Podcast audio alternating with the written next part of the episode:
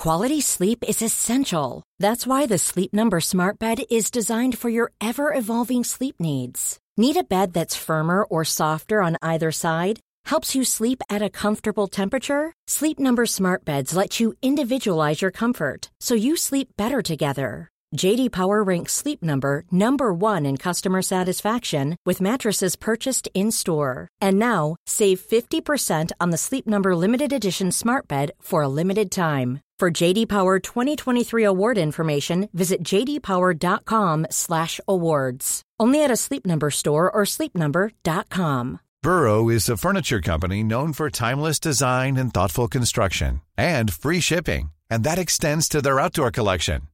Their outdoor furniture is built to withstand the elements, featuring rust-proof stainless steel hardware, weather-ready teak, and quick-dry foam cushions.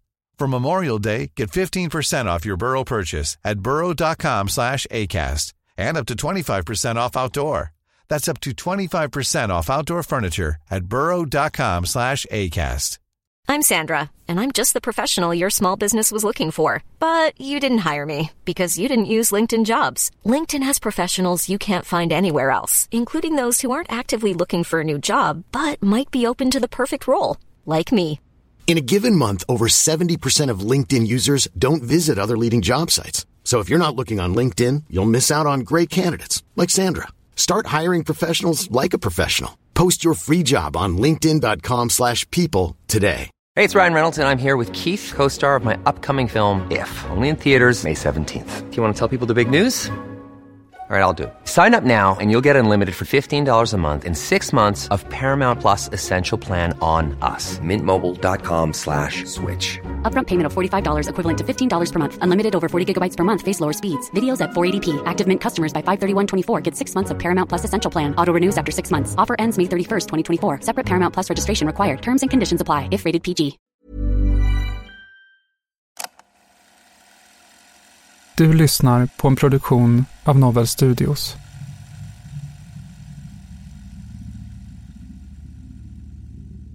De mesta runt omkring mig eh, hade ingen aning om hur hög ångest jag hade och hur dåligt jag mådde egentligen. De trodde inte på det. De, klart de hade hört mig eh, prata om saker och ting men de kunde inte se mitt mående så dåligt som jag upplevde det.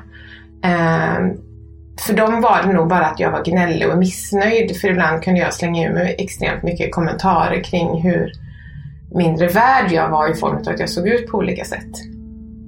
Det här är en populärvetenskaplig podcast där vi utforskar psykologiska fenomen bakom mänskligt beteende.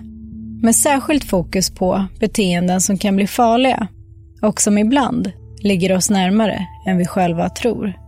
Jag heter Katarina Hovner och är rättspsykiatriker och forskare. Och jag heter Shilan Kaman och är beteendevetare och forskare. Du lyssnar på Det mörka psyket. Om dysmorfofobi. Första delen.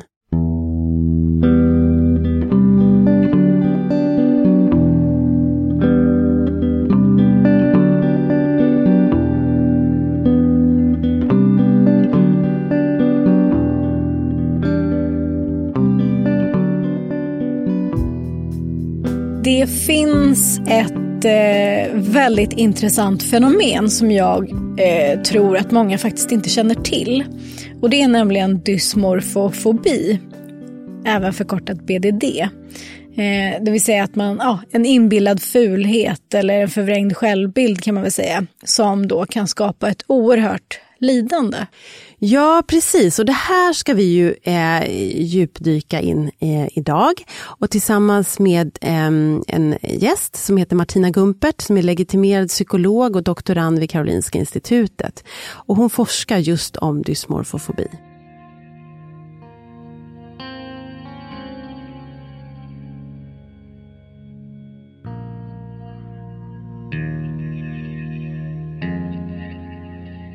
Men om vi ska börja med det, vad, vad är egentligen dysmorfofobi? Ja, men dysmorfofobi eh, är när man, har, liksom, man är övertygad om att det är någonting fel eh, med ens utseende. Och att man känner sig liksom ful eller motbjudande eller ibland till och med att man upplever att man ser ut som ett monster. Eh, och de här tankarna leder till att man liksom fastnar i massa tidskrävande ritualer eh, som syftar till att förbättra utseendet eller dölja utseendet eller kontrollera utseendet på olika sätt. Eh, och det kan till exempel vara att man sminkar sig jättelänge på morgonen, att man döljer kroppen med olika typer av eh, kläder eller att man har mössa på sig eller solglasögon eller sådär. Eh, och sen också att man eh, liksom inte att det blir jobbigt att vara i massa sociala situationer för att blickar liksom från andra väcker ju då väldigt mycket obehag. Så att man isolerar sig eh, eh, väldigt mycket från andra. Eh, vilket får liksom en påverkan på hur man klarar sin vardag. Jo, men jag är uppväxt i en liten ort i Dalsland. Eh, så inte så att jag är en bondeflicka, men eh, jag är uppväxt i en liten ort där i alla fall. Med en eh, familj, mamma, pappa, två mindre syskon, så jag är stora syster. Vi hör Johanna som bor i en mellanstor stad i Sverige. Och har då växt upp i en dysfunktionell familj kan man säga där min eh, far har haft eh, missbruksproblematik. Eh, och det har varit våld i nära relationer som jag har bevittnat som barn. Det är också ibland, eller jag kan tycka, så säger inte att det är så, men det är speciellt att växa upp på mindre ställen för man blir i min värld och min uppfattning snabbt dömd utifrån vad andra gör. Så det har varit en ska man säga, nu som 40-åring så kan jag analysera min uppväxt på ett annat sätt så jag tycker det har varit en utmanande uppväxttid för mig i min barndom. Och eh, den ligger ju självklart, till grund för eh, mitt eh, mående framgent i livet. Men vi hade det egentligen i grunden ganska bra förutom de här missbruks perioderna drog igång. Men eh, dysfunktionellt har det varit absolut. Så har jag växt upp. Men kan det vara då att man liksom, så som jag har fått för mig att det är att man inbillar sig att man till exempel har något så här, att man ser abnorm ut på olika mm, sätt. Mm, mm. Är, det, är det bara det? Eller kan det vara har alla det, liksom att man kanske till, till exempel då får för sig att man har jättestor näsa eller någonting, mm. eller är det bara att man, kan det också bara vara att man är väldigt upptagen av sitt utseende och tror att...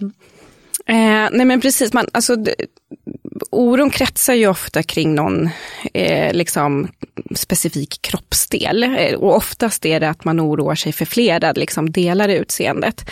Sen för att man liksom eh, ska klassa det som eh, BDD så ska ju den här Eh, liksom ska inte omgivningen hålla med om det som man upplever är fel med utseendet. Eller att omgivningen tycker att det är liksom ingenting att bry sig om.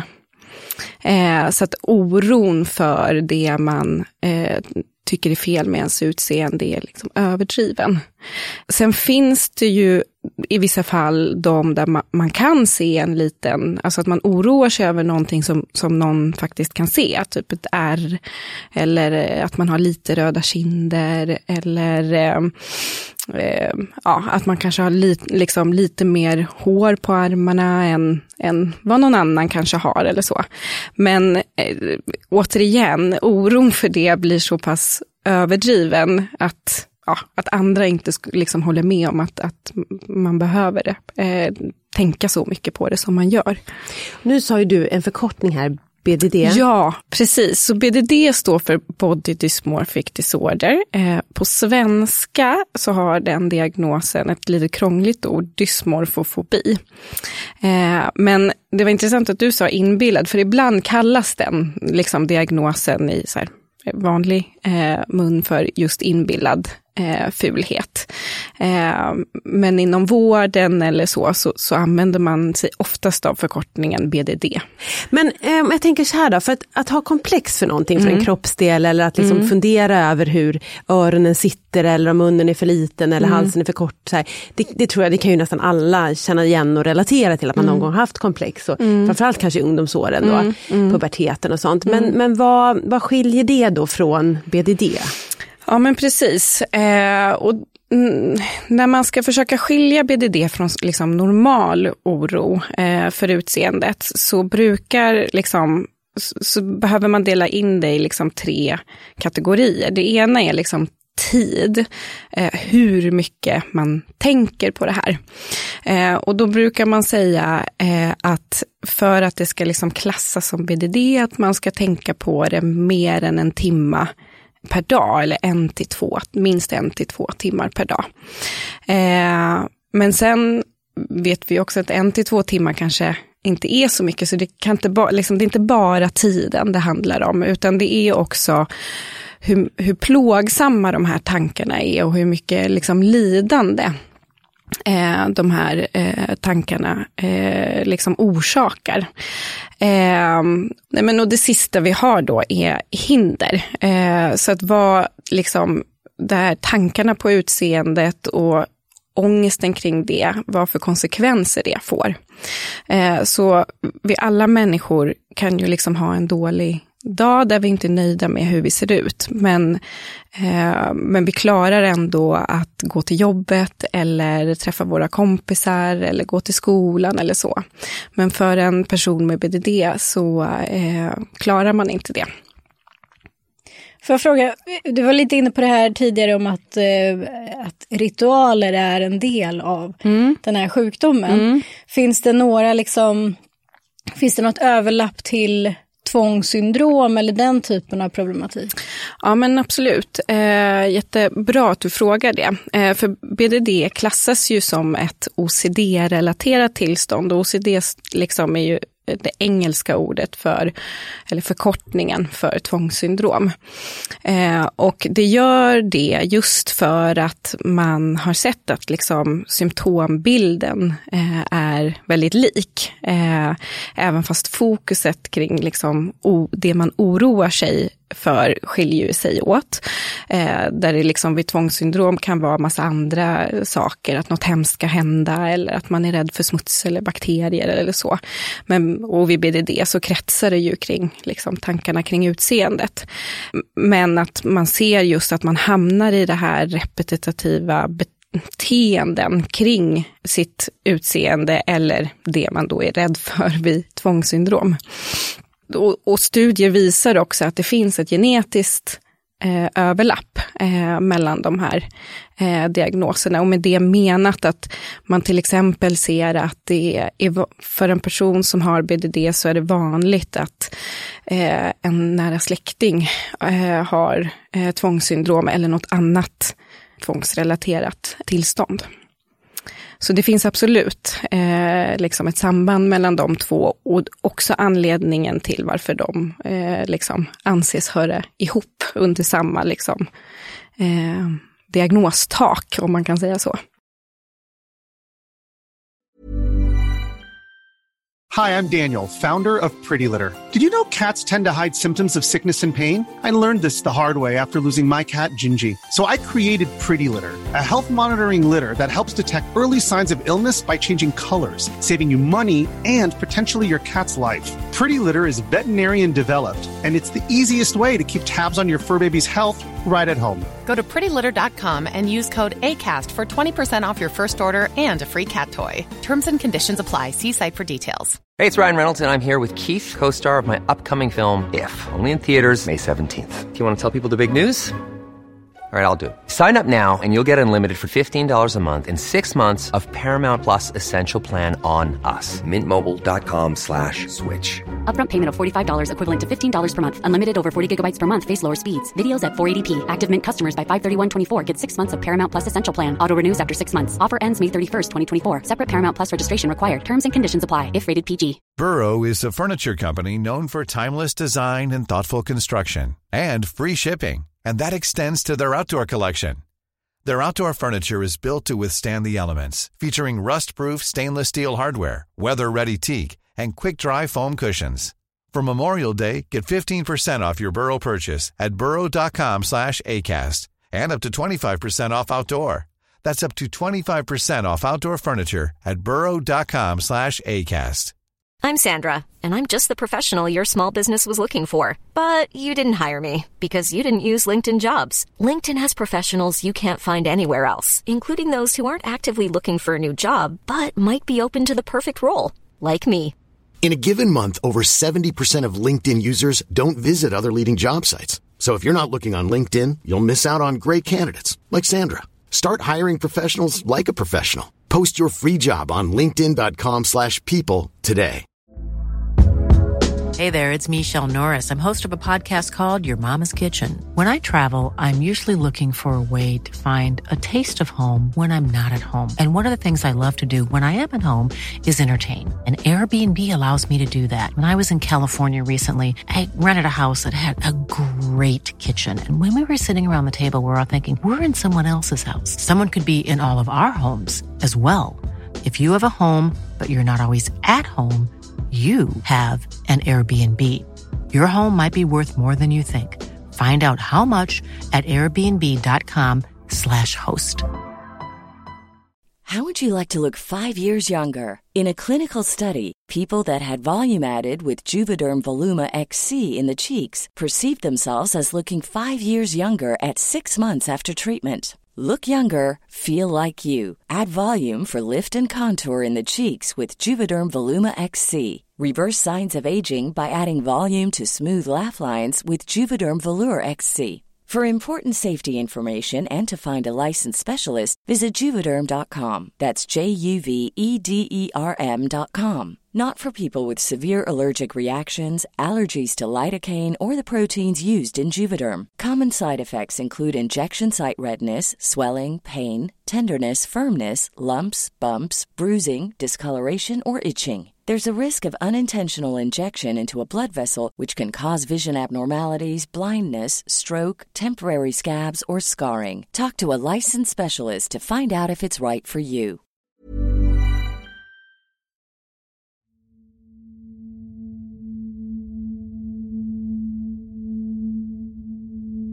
I och med att jag har gjort KBT-behandling och gjort ett analysarbete eh, nu som vuxen kring hur min barndom och ungdomstid har påverkat mig så kan jag ju se tydligt en röd tråd igenom att den här dysfunktionella barndomen har lett till att jag menar, växer man upp i det så har man ju inte fått någon trygghet, man har inte fått någon bekräftelse, man har eh, i mitt fall inte haft någon, vi har inte haft någon kommunikation, vi har inte haft dialog kring känslor eller lära känna sig själv överhuvudtaget. Vilket har gjort att jag blev ju extremt förvirrad tonåring och som jag tror att många blir i form av eh, att man växer upp i ogynnsamma förhållanden runt sig. Men eh, det som blev för mig var ju att i tonårstiden så ville jag ju hävda mig och sökte bekräftelse så jag gjorde det på olika sätt och definitivt inte i form av stöd av min familj utan ut på stan och hitta på en massa bus. Um, men då började jag ju också liksom att granska mig själv extremt mycket, analysera mig själv för att jag blev ju inte bekräftad och jag behövde ju bli bekräftad som människa. Ehm, för det behovet har vi ju som grund väldigt mycket i oss själva. Och eh, eh, sen var det en eh, kille som, som faktiskt kommenterade mitt utseende som då jag, jag uppfattat det, har varit min trigger i att eh, utveckla det som till slut blev en diagnos på dysmofobi då. Alltså det vi kallar BDD kortfattat. Eh, så att utefter den kommentaren då när jag var i 16-17 års ålder någonstans där så, så började jag liksom bara se fel på mig och började gå in i min ska man säga, negativa loop med tankemönster kring mig själv då. Från det att jag började min KBT-behandling, från det att jag har förstått att det har triggats igång då i 16-årsåldern så är det ju ungefär 15 år i en tidsperiod som jag mår väldigt dåligt kring mig själv mitt utseende och eh, eh, ja, men någon form blir det ju ändå någon form av självskadebeteende man skapar hos sig själv i det här. Eh, så det blev, det blev ganska långdraget eh, och det är inte helt onormalt att det blir det med den här diagnosen för att den är så svår att ta på eh, och, och specificera och dessutom också väldigt svår Alltså det är inte så mycket information om den i samhället så att det är inte många som uppmärksammar den eh, just kring eh, dysmofobin. Så att för mig var det ett dåligt mående under längre tid tills dess att jag, jag blev mamma väldigt tidigt. Eh, och eh, efter det så, och det, och det var ju livets gåva att jag fick bli det, men eh, efter det så började liksom jag känna någonstans att jag ville ha en balans i livet och för mig var det väldigt viktigt att liksom bli en bra förälder och vill inte ge mina barn det jag själv hade fått och då började en bearbetningsperiod där jag försökte hitta en balans i allt kring mitt mående. Men lång historia kort så blev det ju att eh, jag fick ju en ätstörning, jag blev extrem med allting jag gjorde, jag började gömma mig, Eh, skydda mig, jag ville inte att någon skulle se mig. Jag utvecklade ju en, en hög ångest eh, som ledde till panikångestattacker. Ehm, som jag sen då fick jobba bort liksom i form av min terapi. Jag fick diagnos ätstörning, den här UNS, och det eh, är ju jag brukar säga väldigt kortfattat att eh, jag tycker att ätstörning och dysmofobi påminner om varandra förutsatt att det inte hänger ihop med mat utan man har den negativa kroppsuppfattningen. Eh, och där går ju liksom dysmofobi och ätstörning ihop för mig. Eh, men, eh, så jag fick den UNS-diagnosen och jobbade med det. Och det var ju när jag var 26 kanske. Så det är alltså tio år ifrån att det började triggas igång hos mig då.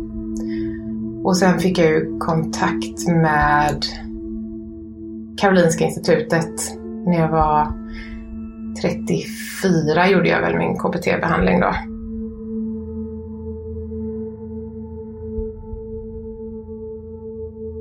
Och sen undrar jag en annan sak, också relaterat kanske lite till närliggande eller ja, var gränslinjen går. För jag tänker lite på det här med kroppen och kroppsuppfattning. Mm. Gränsen mot liksom anorexi mm. och när man har liksom mm. en avvikande... Mm. För det är ju också någon slags skev självbild. Mm. Ja men precis, och, eh, och där finns det ju också en nära relation, nu sa jag inte det med OCD, där man ser också att det är liksom vanligt att med samsjuklighet med OCD och BDD. Samma är det med liksom BDD och ätstörning, att vi ser en eh, liksom ofta förekommande samsjuklighet där. Och det man kan säga är lika med de diagnoserna det är ju dels att liksom för båda, eller för en person som har en ätstörning eller en anorexia och BDD, så tycker, liksom stämmer, ja, det man ser i spegeln stämmer liksom inte eh, överens med eh, vad man upplever. Eh, så att en person med anorexia ser ju sig själv i spegeln och tycker att man är tjock, även fast man inte är det. Och samma sak vid BDD, liksom, att man har en stor näsa, fast man, eh, den kanske inte avviker liksom så mycket som man upplever. Så det är likt. Eh, och, och sen kan de eh, liksom båda diagnoserna, eh, om man ser till dem så kan det också vara så att man oroar sig för liksom likadana kroppsdelar och, eh, och att man också vid anorexia kan fastna i att liksom, liksom ritualer eh, kring mat eller kring att träna eller att spegla sig eller så. Så det finns vissa likheter men sen finns det också eh, olikheter. Och där vid liksom en, en ätstörning eller anorexia då, så, så kretsar ju eh, det mesta kring vikt. Eh, och, och det gör det inte vid eh, BDD, utan där oroar man sig ofta för olika delar av kroppen och man har ofta mer ett detaljfokus där man inte är nöjd med liksom, att det inte är symmetriskt till exempel, eller att ehm, eh, ja, eller att det kan, liksom, det kan vara hudfärg eller liksom, ja, mer detaljer. Eh, så det skiljer dem åt. Och att även fast liksom överdriven träning och Eh, restriktiv liksom kost, eh, kosthållning kan förekomma vid BDD, eh, så, så är det liksom inte eh, vanligt. Eh, Medan det är liksom en ätstörning är jättevanligt. Eh, så det är också eh, olika. Jag tänker att eh, generellt så kan man väl säga att utseendefixering är någonting som eh, på, på strukturellt plan är något som mer drabbar kvinnor. Vi är Mm. mer fokuserade på kvinnors Mm. utseende. Speglas det också i, i liksom, eh, det här fenomenet och den här sjukdomen? Är det vanligare hos kvinnor? Eller hur ser det ut? Nej, men det är faktiskt intressant att kollar man på liksom, eh, befolkningsnivå eh, och sådana typer av studier eh, och, och prevalensstudier, liksom, eh, och då går man ju ut och liksom frågar eh, slumpmässigt utvalda eh, människor eh, om liksom, symptom på BDD.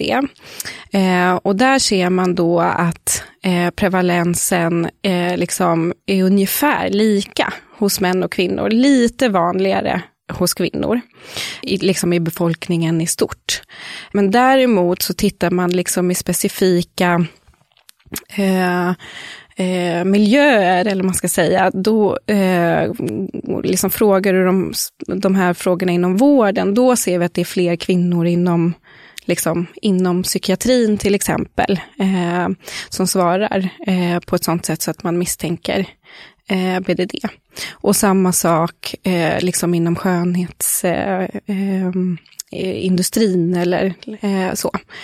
Men i befolkningen i stort så, så, så ser man inte att den skillnaden ska vara så stor. Och då tänk, liksom, kan man ju fundera på varför ser det ut så.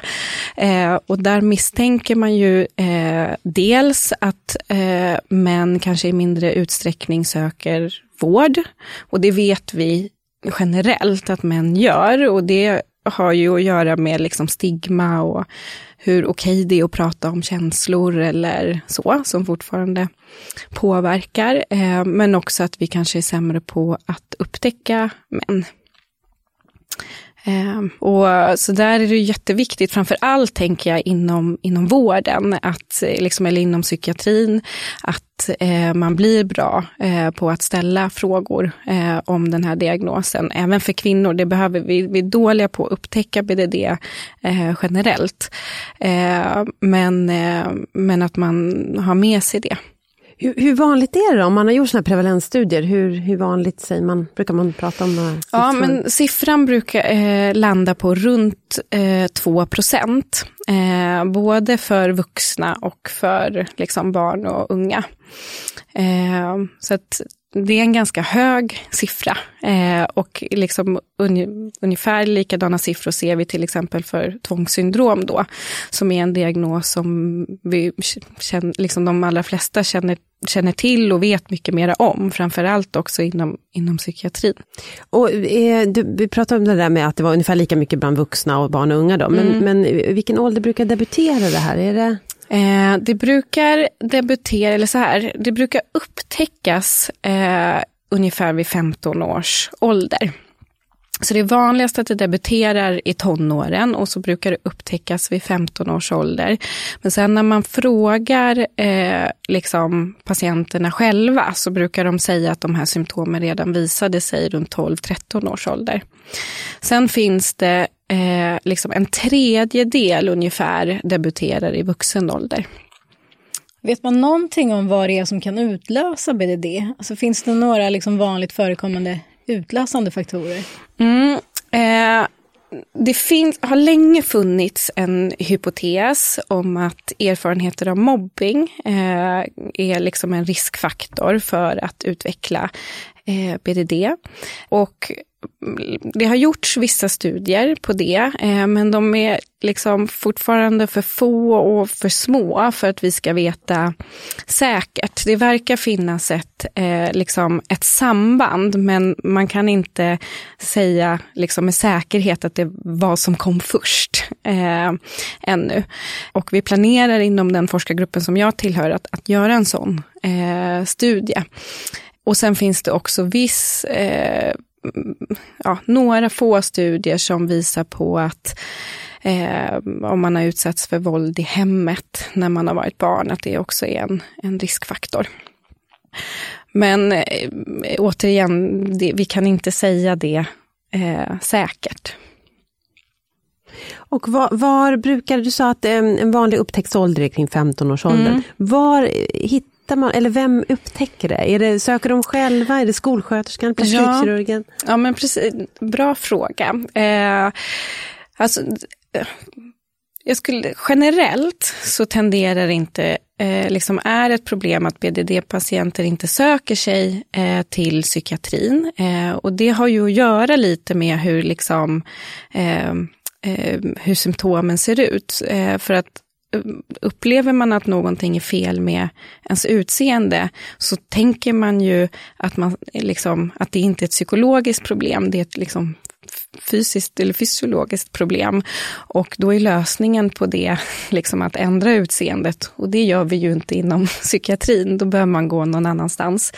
Så det är ett utav liksom, eh, eh problemen. Men jag jobbar ju inom barn och ungdomspsykiatrin och där har man ju ändå fördelen med att barn och unga bor tillsammans med sina föräldrar. Så oftast är det liksom föräldrarna eh, som kommer. Och, eh, och det är oftast för att barnen till exempel har slutat gå i skolan. Eh, eller inte träffar sina kompisar eller inte kommer iväg. Eller det blir jättemycket konflikter hemma och så. Sen en, en viktig sak att tillägga där är också att, att eh, med det, så när de då söker vård, och det gäller både för barn och unga och för vuxna, så söker man oftast då för någonting annat än BDD. Så som jag sa, att till exempel mitt barn kommer inte iväg till skolan eller är deprimerad, så har sagt att hen inte vill leva längre. Och samma gäller för vuxna, att de oftast söker då för depressiva symptom eller eh, eh, ja, att det inte funkar i relationer eller sådär. Så man, ja, precis, för man kan ju tänka sig det, att man, man är övertygad om att det är just det är något kroppsligt fel. Ja. Så förstår man ju att då går man inte till psykiatrin med sitt kroppsliga fel, eller, utan då kommer med konsekvenserna, typ ångesten eller depression eller självmordstankarna. Och det här kroppsliga får man hantera då via någon annan. Via något mm. annat, precis. Så att det, är, det är viktigt att liksom fråga om de här eh, symptomen. Eh, och tyvärr har det funnits, eller, och, och, finns fortfarande en ganska bristande kunskap inom psykiatrin om den här diagnosen. Eh, och, eh, och den faller lite vid sidan om när man gör Eh, och när man kommer till psykiatrin så gör man ofta en så kallad basutredning. Och där finns inte idag eh, frågor om BDD med. Så att eh, vi, vi frågar faktiskt inte om de här symptomen heller på ett så standardiserat sätt. Eh, så då blir det också väldigt, liksom, ja, dels att det är viktigt att fråga, men också att man ser, liksom, försöker se tecken på BDD. Det var allt för den här första delen om dysmorfofobi eller inbillad fulhet. Nästa vecka så fortsätter vi vår intervju med Martina Gumpert. Um, nej men att det uppdagades med att det skulle vara dysmofobi som var mitt problem var genom att jag gick eh, hos en kurator och hade med mig helt enkelt en jättefin klippbok som jag hade gjort med bilder och så tänkte jag så här att ja, men bara jag ser ut så här, bara det blir så här, bara jag uppnår liksom att se ut på det här sättet så kommer liksom mitt liv att bli bra och jag kommer må så himla gott liksom. Och det var stora svenska ikoner med i den här eh, boken som jag hade klippt ut och hon, den här terapeuten eh, tittar på mig och frågar mig bara rätt upp och ner så här, vet du vad dysmofobi är? Jag bara, ja, ingen aning. Eh, och då började liksom en nyfikenhet väcka hos mig att jag bara, shit, det här kanske inte det är så här man ska göra. Det är nog inte så här man ska leva.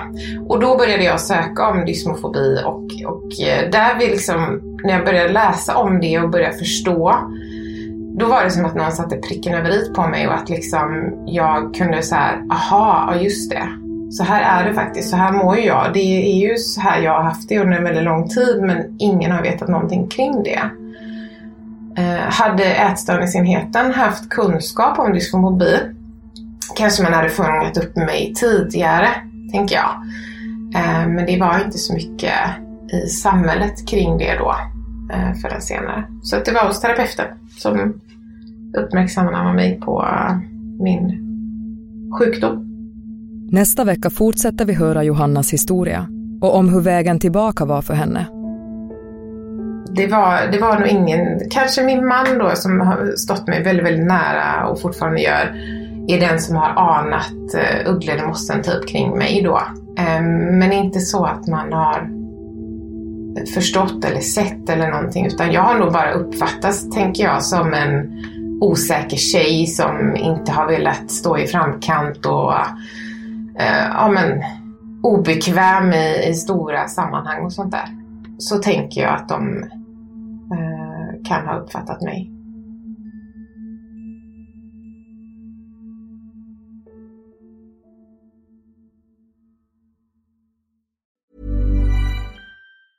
Planning for your next trip? Elevate your travel style with Quince. Quince has all the jet setting essentials you'll want for your next getaway, like European linen, premium luggage options, buttery soft Italian leather bags, and so much more. And is all priced at 50 to 80% less than similar brands. Plus, Quince only works with factories that use safe and ethical manufacturing practices. Pack your bags with high-quality essentials you'll be wearing for vacations to come with Quince. Go to quince.com slash pack for free shipping and 365-day returns.